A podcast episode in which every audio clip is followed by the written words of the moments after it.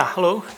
Ehm, ik werk inderdaad bij het International Institute for Research and Education. Dat is in Amsterdam.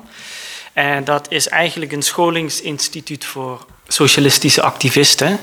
En dat is inderdaad mede door Mandel opgericht in 1982. Mandel had een talent in het afpingelen van donaties bij uh, mensen die wel links zijn, maar ook geld hebben. En op die manier kon er begin jaren 80 een gebouw gekocht worden in Amsterdam, um, wat ons in staat heeft gesteld om daar nu nog steeds aanwezig te zijn. Uh, wij organiseren de scholingsbijeenkomsten, dus cursussen waar mensen uit de hele wereld voor korte of voor langere tijd bij elkaar komen. En we publiceren ook boeken. En onze meest recente publicatie is dit boek. Dus Hope and Marxism. Dit is een collectie van essays van Mandel. En dit is het derde deel in een reeks. De andere twee liggen daar. En in dit derde deel zijn vooral nieuwe vertalingen naar het Engels opgenomen van teksten die nog niet beschikbaar waren in het Engels van Mandel. Mandel schreef onder andere in het Frans, in het Duits, in het Engels en in het Nederlands, of beter gezegd in het Vlaams. En een heleboel van zijn werk is vertaald, maar hij schreef zo ontzettend veel dat nog niet alles vertaald is.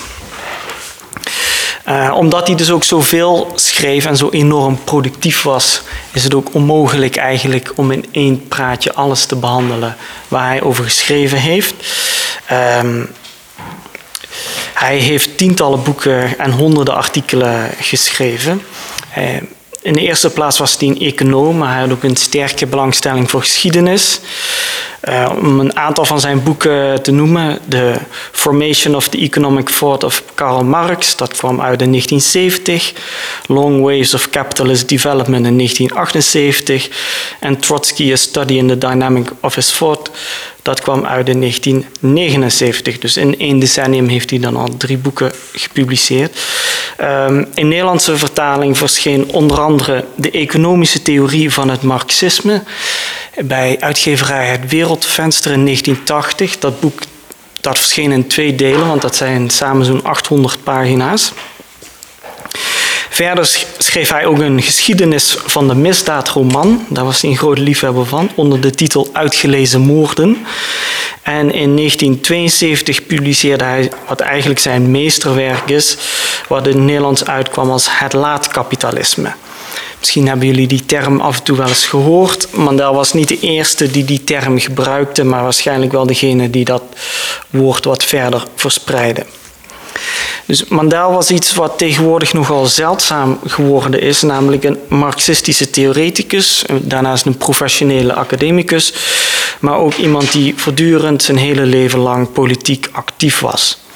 In het geval van Mandel was dat in het verband van de Vierde Internationale, de oorspronkelijk door Leon Trotsky in 1938 opgerichte verbond van revolutionair marxistische organisaties.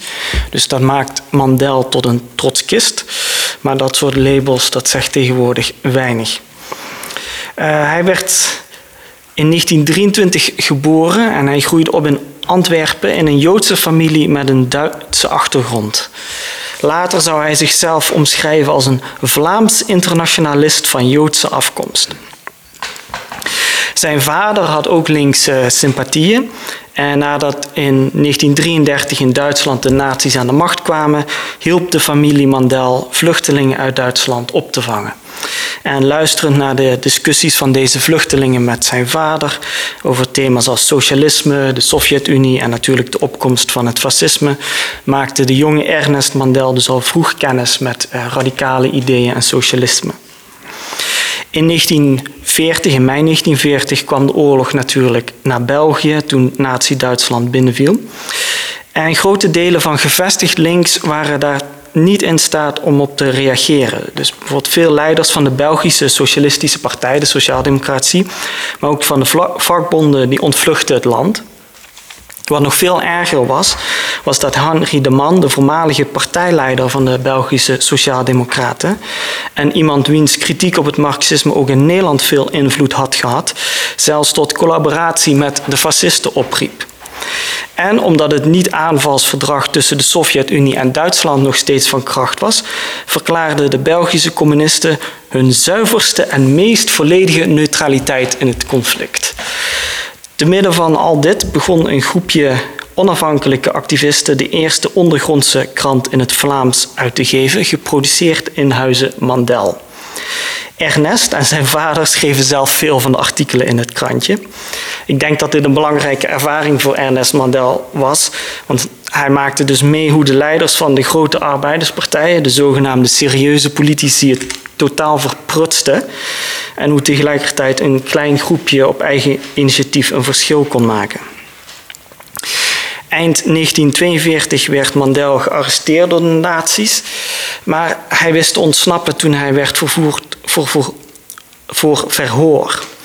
De biograaf van Mandel, Jan-Willem Stutje, die heeft later ontdekt dat Mandels vader waarschijnlijk die agenten omgekocht heeft en dat deze Ernest dus bewust hebben laten gaan.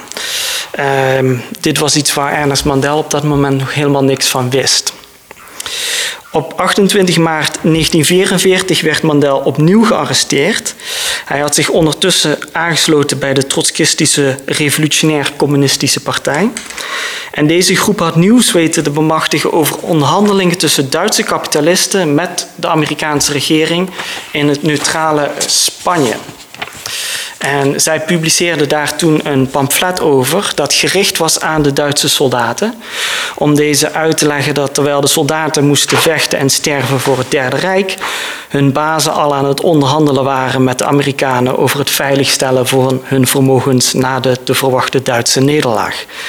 Dat was natuurlijk heel bewonderenswaardig. Maar wat nogal naïef was, dat ze dit pamflet toen ook op straat aan Duitse soldaten ging uitdelen. Het duurde dus ook niet lang voordat Mandel weer opgepakt werd. Hij werd dus gearresteerd vanwege zijn verzetsactiviteiten en niet omdat hij Joods was. Dus hij werd niet naar een vernietigingskamp gestuurd, maar zoals andere politieke gevangenen naar allerlei verschillende gevangenissen en werkkampen. Hij was dus een verzetstrijder, hij was Joods en hij was een trotskist die door zijn meestal Stalinistische medegevangenen nogal gehaat werd. Dus zijn overlevingskansen waren gering. Hij herinnerde zich later dat puur geluk een van de redenen is dat hij het haalde. Maar hij schreef zijn succes ook toe aan het aanknopen van banden met enkele van de Duitse gevangenisbewakers, die voor de machtsovername door de nazi's aanhangers van de Sociaal-Democratische Partij waren geweest. Daarover zei hij later. Dat was het verstandigste wat je kon doen, ook vanuit het oogpunt van zelfbehoud. Dus hij was toen al een overtuigende prater. Op 25 maart 1945 bevrijdden Amerikaanse troepen het kamp waarin hij was vastgehouden. Mandels directe familie overleefde de oorlog, maar de moeder, zus, broer en de familie van Henri Mandel werden allemaal in Auschwitz vermoord. Henri Mandel, de vader van Ernest Mandel. Henri Mandel droomde van een academische carrière voor zijn zoon, maar Ernest Mandel had andere prioriteiten. hij wilde vooral doorgaan met de strijd tegen het kapitalisme, dat systeem dat die verschrikkingen van de oorlog en het nazisme had voortgebracht. Vlak voor de oorlog, in 1938, was dus de Vierde Internationale opgericht. En Trotsky had de hoop gekoesterd dat de Stalinistische communistische partijen tijdens de oorlog hun aanhang zouden verliezen en hoopte dat de Vierde Internationale zich zou ontwikkelen tot een alternatief voor teleurgestelde communisten. Maar de belangrijke rol van de Sovjet-Unie bij het verslaan van Nazi-Duitsland en de moedige deelname van veel communisten aan het verzet brachten die partijen natuurlijk ongekende populariteit en prestige. Zo behaalde in Nederland de CPN bij de eerste verkiezingen na de oorlog iets meer dan 10 procent, hun hoogste score ooit. 11,4. Kijk eens aan. De kleine vierde internationale was ondertussen gedecimeerd door de oorlog en onderdrukking. En Mandel vond het zijn plicht deze beweging te helpen opbouwen. Zo werd hij een activist in de Vierde Internationale. Deels werd hij gedreven door de herinnering aan kameraden die door de nazi's waren vermoord, zoals zijn goede vriend en trotskistische activist Abraham Leon. In eerste instantie dacht Mandel dat de Tweede Wereldoorlog gevolgd zou worden door een golf van revoluties, net zoals na de Eerste Wereldoorlog was gebeurd. Dat gebeurde niet. En geleidelijk aan realiseerde hij zich dat socialisten zich moesten richten op een meer lange termijn strategie. Mandel sloot zich aan bij de Belgische Socialistische Partij, dus de Sociaaldemocratie, waarbij hij ondertussen zijn trotskisme geheim hield, omdat hij anders de partij uitgegooid zou worden. Hij hielp zo bij de oprichting van het weekblad La Gauche, Links, een krant die invloedrijk zou worden op socialistisch links in België. In de winter van 1960 op 61 was België het toneel van een grote stakingsbeweging, de zogenaamde staking van de eeuw. Die begon in december 1960 in heel het land en duurde zo'n zes weken. Tijdens deze koude winter legden 700.000 arbeiders het werk neer. Uiteindelijk zou deze staking tegen een reeks van maatregelen van de rechtsregering echter mislukken.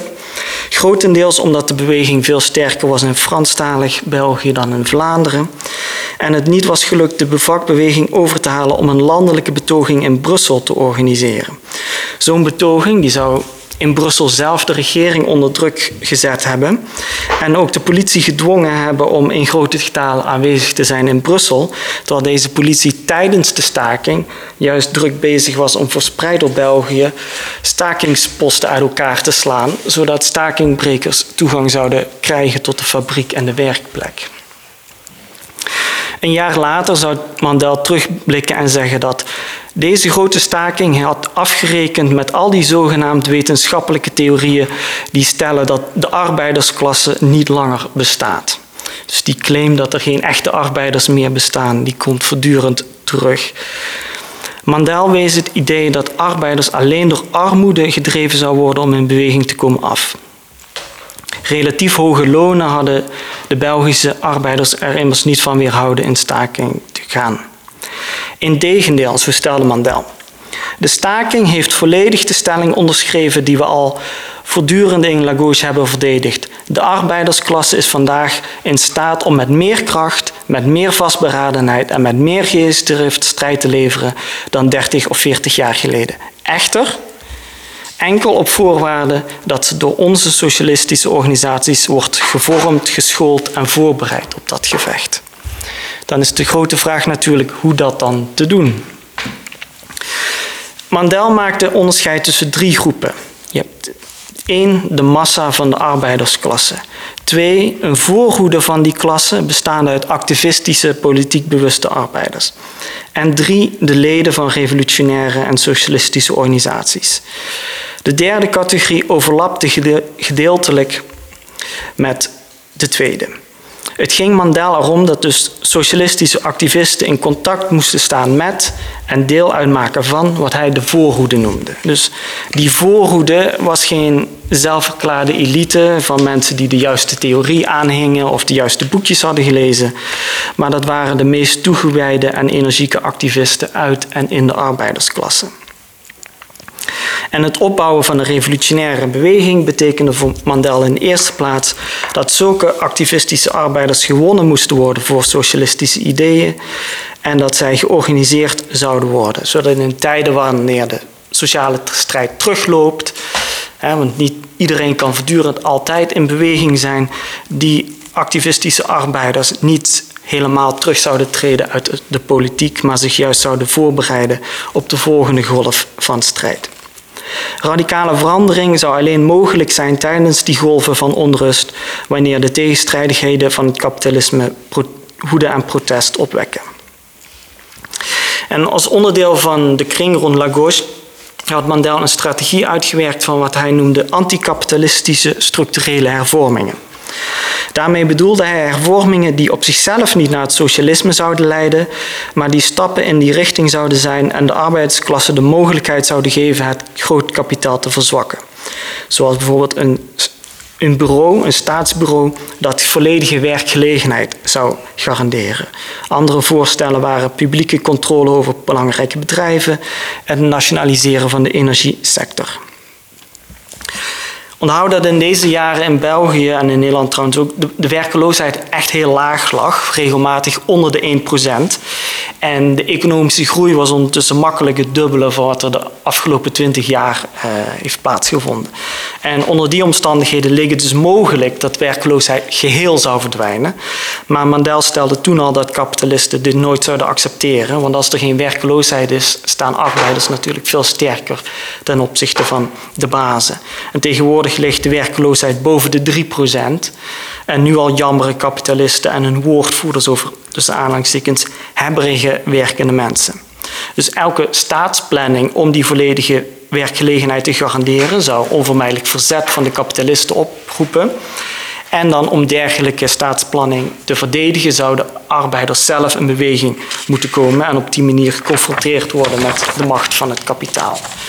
En dat is eigenlijk hoe Mandel zich een socialistische revolutie voorstelde. Als zo'n proces van mensen die in beweging komen, die geconfronteerd worden met het verzet van de kapitalisten en juist daardoor in die strijd ook steeds radicalere conclusies trekken.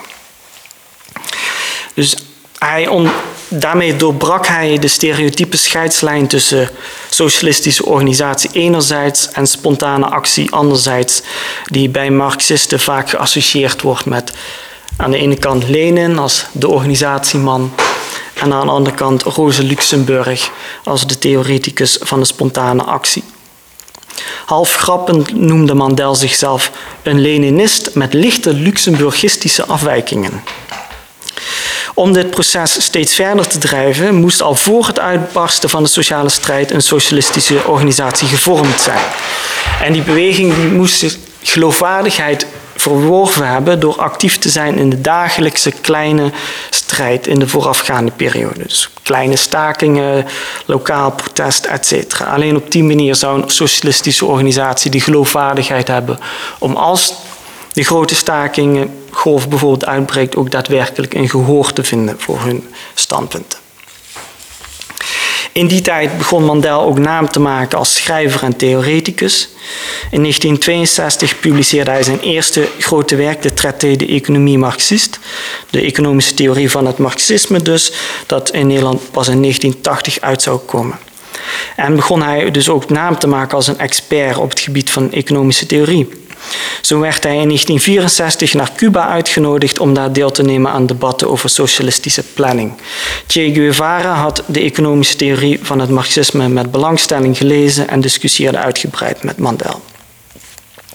En in mei 1968 werd Mandel uitgenodigd om te spreken op bijeenkomsten van de Revolutionair Communistische Jeugd, of JCR in de Franse afkorting.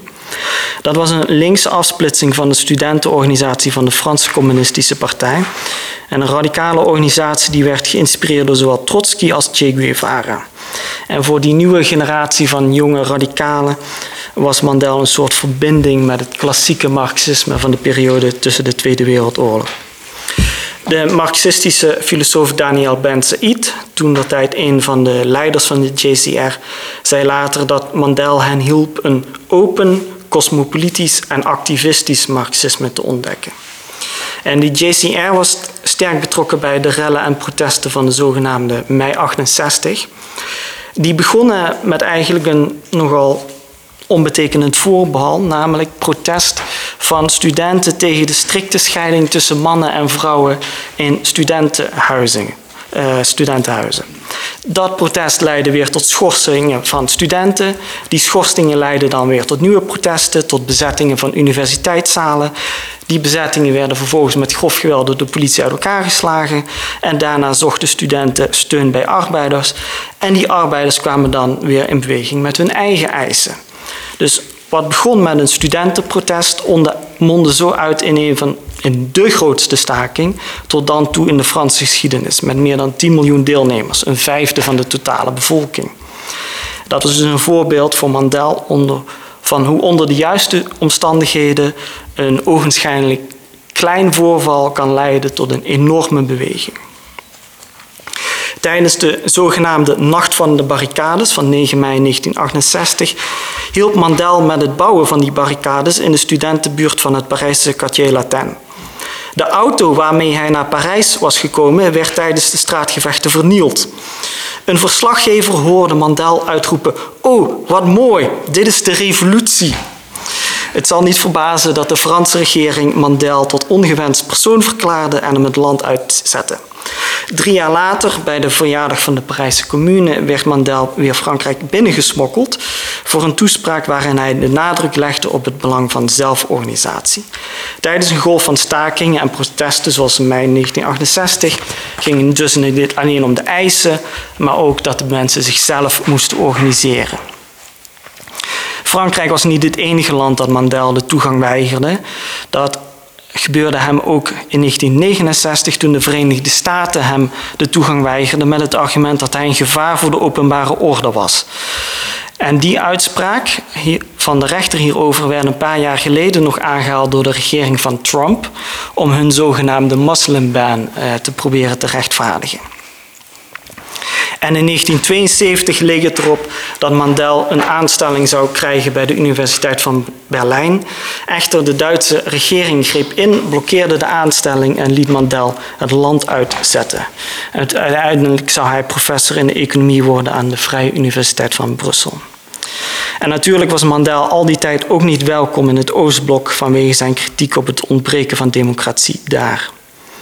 In 1974 hield Mandel een lezing in Nijmegen, waaraan hij begon met uit te leggen wat volgens hem socialisme was.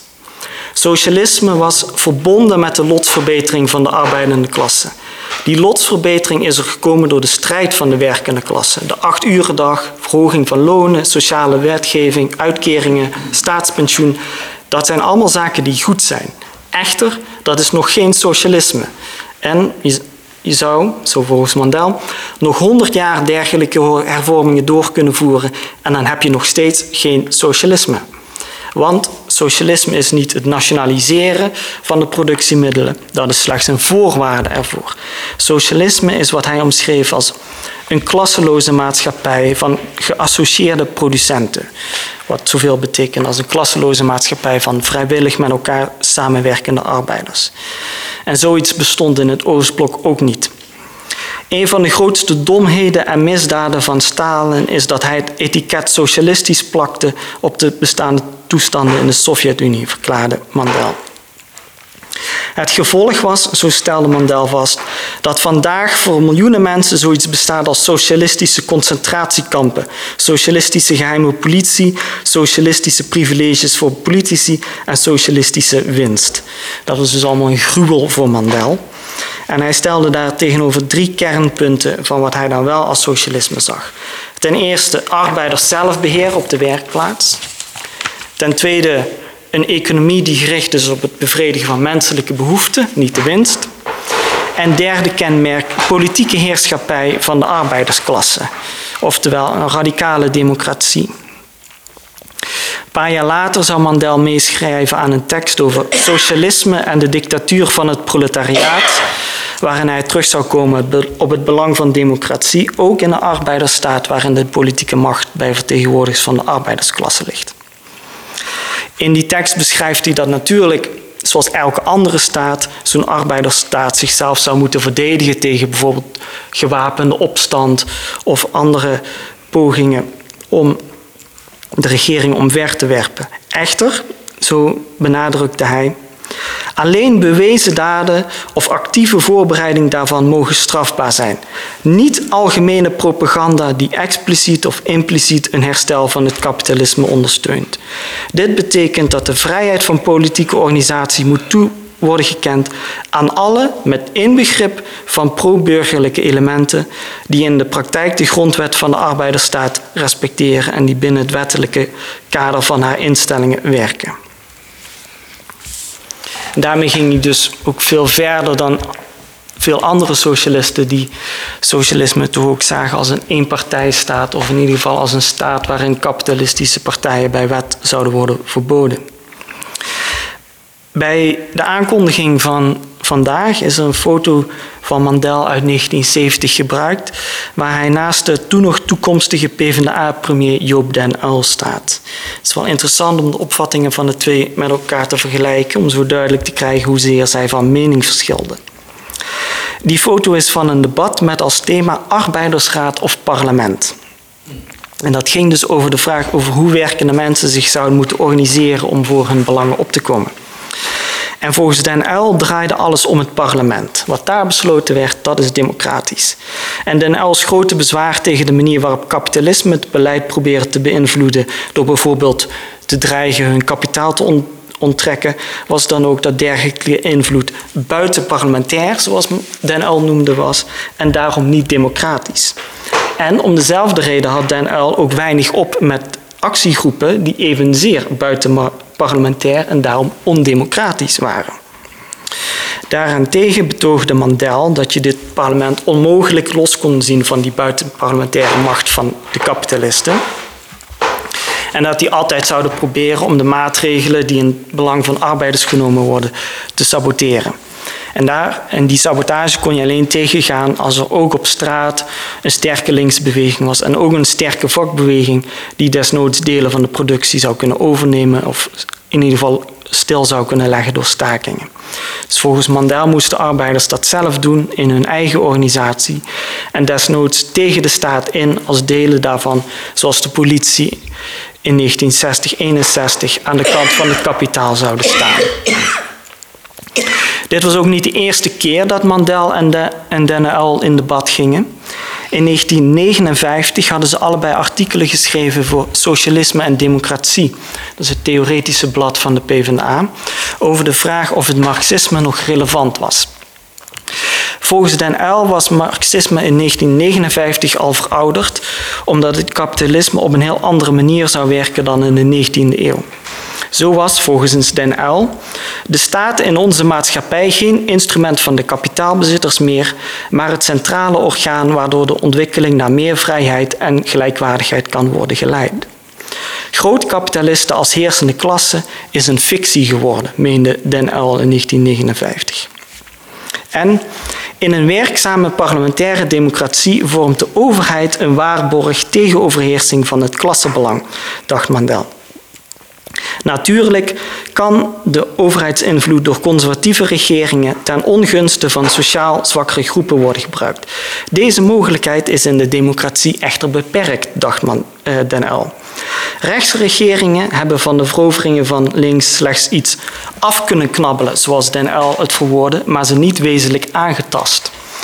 Ook dacht Den Uyl dat de economische crisis die door het kap die door het marxisme gezien werd als onvermijdelijk in het kapitalisme, iets uit het verleden waren. De werking van de conjuncturele krachten is beteugeld, zo stelde Den Uyl. Nee, als je daarop terugkijkt, dan is duidelijk dat een aantal van die voorspellingen niet zijn uitgekomen. Um, en volgens Mandel was marxisme echter een theorie van maatschappelijke ontwikkeling, zoals hij het stelde, die nog steeds relevant was. Want in laatste instantie steunde het marxisme en de marxistische analyse van het kapitalisme op twee begrippen. Eén, het klassenbegrip, dus het idee dat de maatschappij uit klassen bestaat met tegenstrijdige belangen. En wat hij noemde het sociaal meerproduct. Dat wil zeggen dat het inkomen van één gedeelte van de maatschappij, de kapitalistische klasse, een vermindering is van het door de werkers, door de producenten geschapen product. De kapitalistische maatschappij is opgebouwd op een monopolisering van het kapitaal, bezit in handen van één klasse. En dus op het bestaan van andere klassen die door gebrek aan bezit gedwongen is om hun arbeidskracht te verkopen aan de eerste klasse. Tegelijkertijd werkt de kapitalistische economie op zo'n manier dat de kapitalistische klasse kapitaal accumuleert, dus steeds rijker wordt, terwijl de arbeiders het grootste deel van wat zij verdienen ook weer moeten uitgeven en dus nooit in een positie komen waarin ze kapitaal kunnen accumuleren, maar steeds gedwongen blijven om verder te werken. Dat is het proces dat Mandel prolatisering noemde en dat is een objectief gegeven. Dus prolatisering betekent niet verarming. Eh, deze kan zelfs gepaard gaan met een stijgende levensstandaard. Wat het betekent was in wezen onbekwaamheid om voor eigen rekening werkend het brood te verdienen. Dus gedwongen te zijn om je arbeidskracht te verkopen. Dat is het kenmerk volgens Mandel van de arbeidersklasse. En in die zin bestond de arbeidersklasse nog steeds natuurlijk. Tegenover Den Uyl stelde Mandel dat Marxisten wel degelijk gehecht zijn aan politieke democratie. Maar in het kapitalisme wordt die democratie steeds meer bedreigd van twee kanten.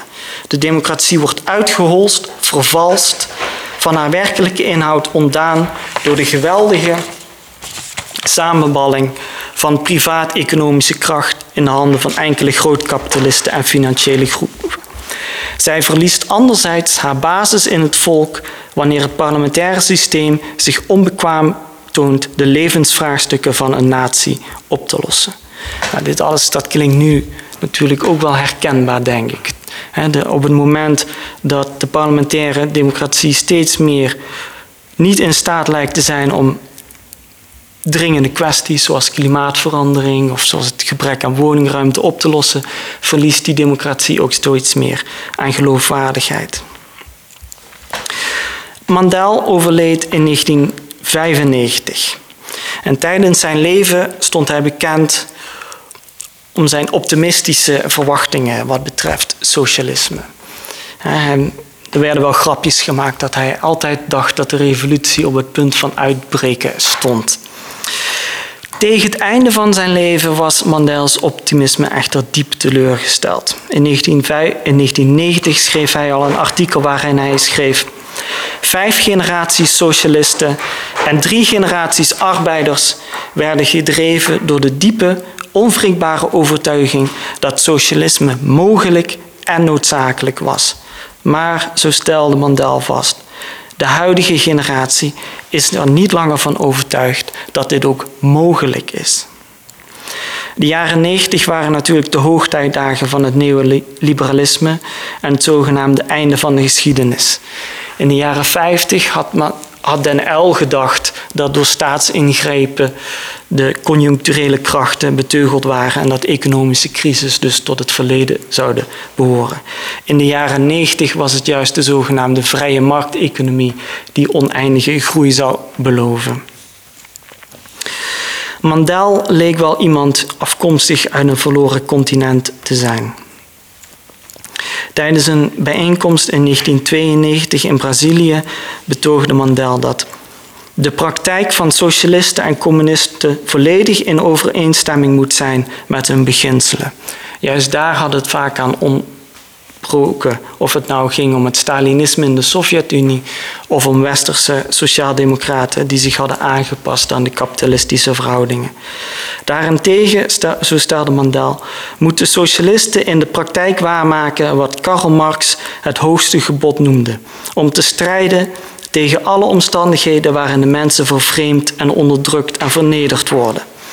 Als onze praktijk in overeenstemming is met dit gebod, zal het socialisme opnieuw een onoverwinnelijke politieke kracht kunnen worden. Tegenwoordig liggen de zaken weer anders. Eigenlijk is er niemand nog die ontkent dat er radicale veranderingen nodig zijn. De vraag is alleen hoe die veranderingen eruit zouden moeten zien en wie ze door kan voeren. Mandel en het klassieke marxisme dat hij vertegenwoordigde, heeft zeker veel bij te dragen aan het beantwoorden van dergelijke vragen.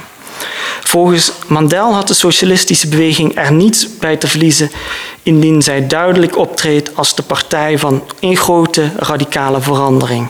In zijn debat met Den Uyl in 1959 had Mandel al geschreven. Om de jeugd met geestdrift te bezielen voor het socialisme moet opnieuw het revolutionaire vaandel worden ontplooid. Wij moeten geen vrees koesteren daardoor stemmen te verliezen. De conservatieve koers heeft overal tot electorale stagnatie of zelfs achteruitgang geleid.